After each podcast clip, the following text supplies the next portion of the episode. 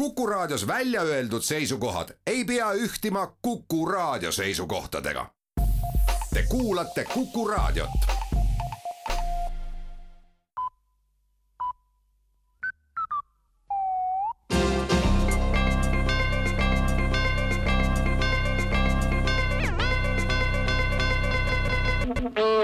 tere kuulajatele, uudistega eetris Rohke Debelak valitsus annab teada, et toob uue aasta esimestel päevadel Riigikogule arutamiseks positiivse lisaeelarve. rõõmustavad arengud on saamas teoks tänu Riigikogu erikomisjonis tekkinud ideele hakata nõudma ametnikelt riigile tekitatud kahju sisse tsiviilhagidega. praegu käib erinevatel aegadel erinevate ametnike poolt tekitatud kahjude kokkuarvutamine ja juba eile õhtuks oli neid kahjusid paberil umbes kahe riigieelarve jagu ametnike hulk, kellelt see välja nõuda jõudis kahesajani ja suurem osa tööst on veel ees. kui kogu tekitatud kahju õnnestuks süüdlastelt tagasi nõuda, siis võiks esialgsete prognooside kohaselt kogu Eesti rahvas neli aastat rahulikult rantjee elu elada ja siis jälle kolmkümmend aastat tööd teha ja Tallinna teateid. Tallinna linnapea Mihhail Kõlvart andis täna hommikul kiireloomulisel pressikonverentsil teada, et linna struktuuride põhjaliku auditi käigus on leitud mõndagi üllatavalt.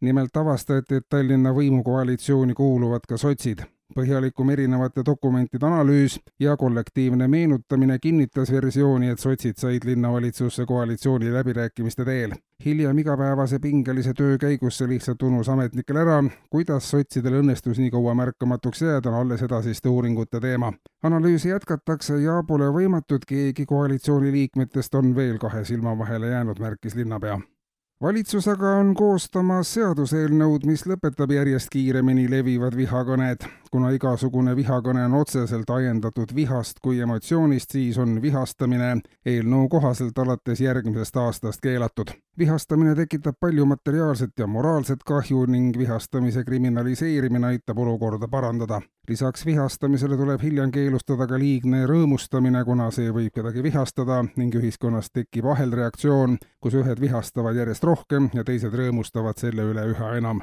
viha ja rõõmukõnedel ei ole tänapäeva ühiskonnas kohta keeruliste finantspettuste avastamine aga jätkub ja lisaks FBI-le on edusamme ka kohalikel ametkondadel.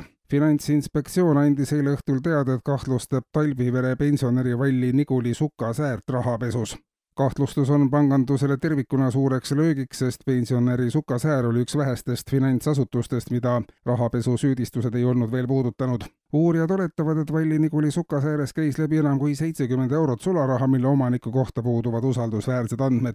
samuti oli Sukasääres viimase nelja aasta pension, mis tekitab küsimusi, kuidas nii üldse elada saab Valli Niguli enda sõnul pole tal lihtsalt kohapeal poodi ega ühtegi muud võimalust raha kulutada, mis aga ei ole usutav, sest lähim pood on kõigest kolmekümne kahe kilomeetri kaugusel ja lahti mitmel päeval kuus.